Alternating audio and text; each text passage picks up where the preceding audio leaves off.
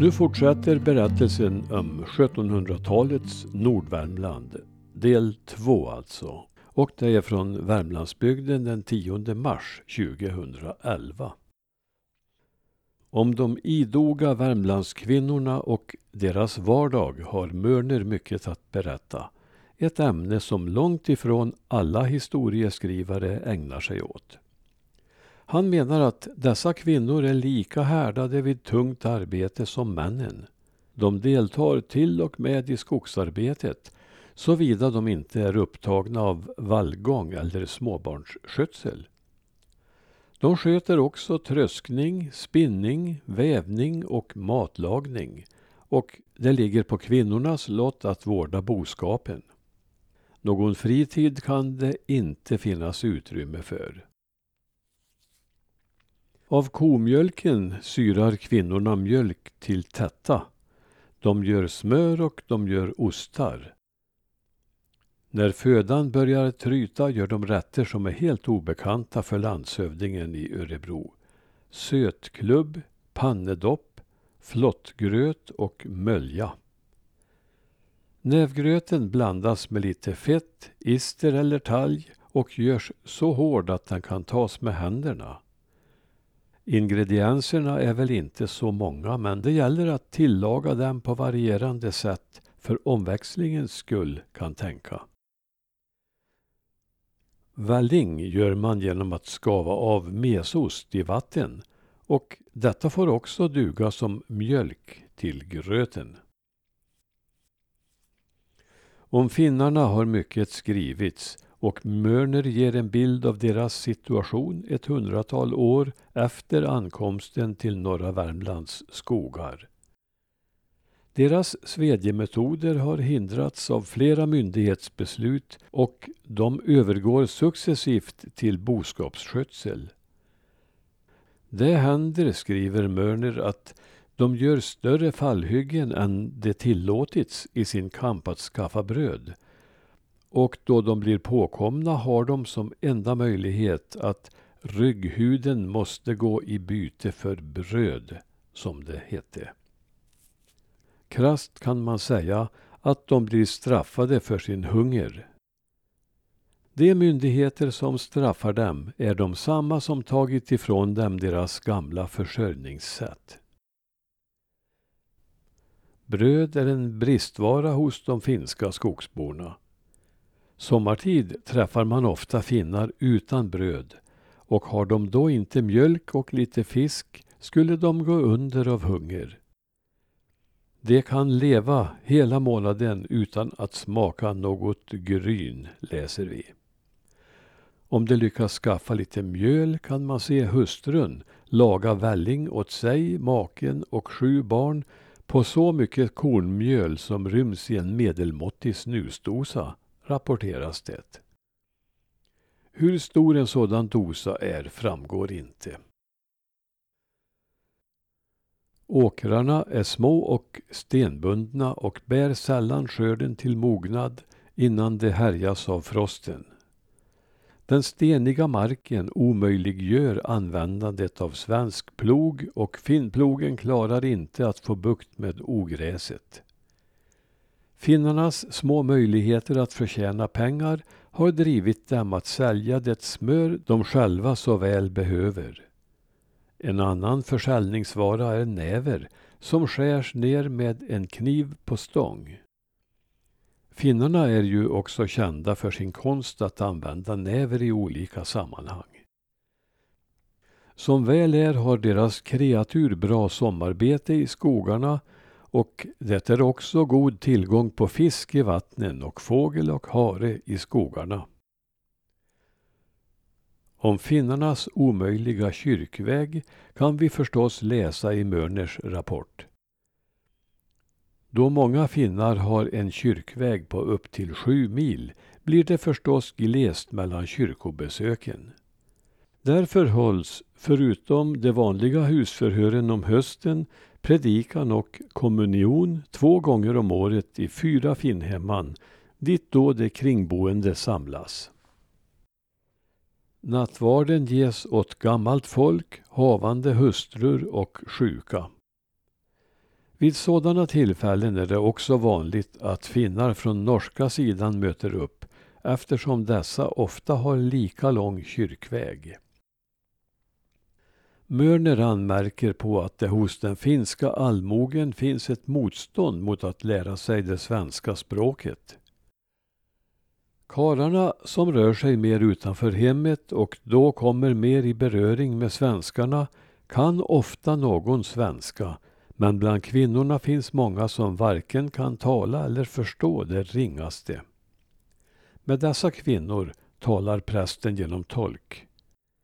Här kan vi foga in att det finska språket hållits levande på Finnskogarna långt in på 1900-talet. För att underlätta för finnarna föreslår Mörner en uppdelning av det vidsträckta pastoratet i två eller tre delar.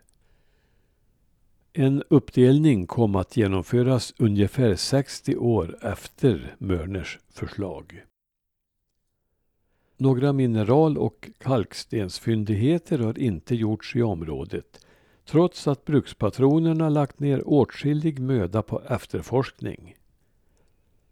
Inte heller finns duglig lera till tegel utan här muras av gråsten och något som kallas mo. Denna mo ska vara långt bättre än lera då den inte behöver någon tillsats av kalk eller sand. Den står dessutom bättre mot hettan och är varaktigare inne i husen. Dock tål den ingen väta och är alltså otjänlig att rappa skorstenar med. Av mo görs också tegel som torkas utan att brännas och som är mycket starkt så länge det inte fuktas. Mörner uttrycker en förhoppning att naturens herre har malm undangömd i skogarna till kommande släkten så att hyttor och hamrar ska kunna drivas i Medskogsälven. Vi efterkommande instämmer i dessa förhoppningar och menar att det nu vore en lämplig tid att dessa tillgångar plockades fram. Sjöarna, om och små, har förekomst av fisk, åtminstone små svarta abborrar som beskrivs som rätt feta och välsmakande. Övriga fiskslag i sjöarna denna tid är gädda, braxen, mört, nors, löja, någonstädes sikling och i skogssjöarna sik och laxöring. Siken hålls förresten av allmogen som den bästa. Sutare finns i en kärn vid Medskogen och röding i två små sjöar längre söderut på skogen. I Storälven finns fisk av de flesta slag som Värmland äger, utom slom eller nors. Landshövdingen tycks ha fallit offer för en vandringssägen som även i senare tid berättar om hur folk funnit gäddor i sina bakugnar när älven svämmat över och gått in i husen. Vilket dock icke ofta händer, lägger han försiktigtvis till. Storälven är det enda vattnet i Älvdalen där det finns lax vid denna tid. Tidigare ska den ha vandrat upp i de mindre tvärälvarna till Storälven men det upphörde den med sedan en norsk finne för en god tid sedan vandrade upp genom dalen och genom satans konster satte upp osynliga grindar för mynningen till tvärälvarna. Men, tillägger landshövdingen, detta är en gissning och fattad misstanke.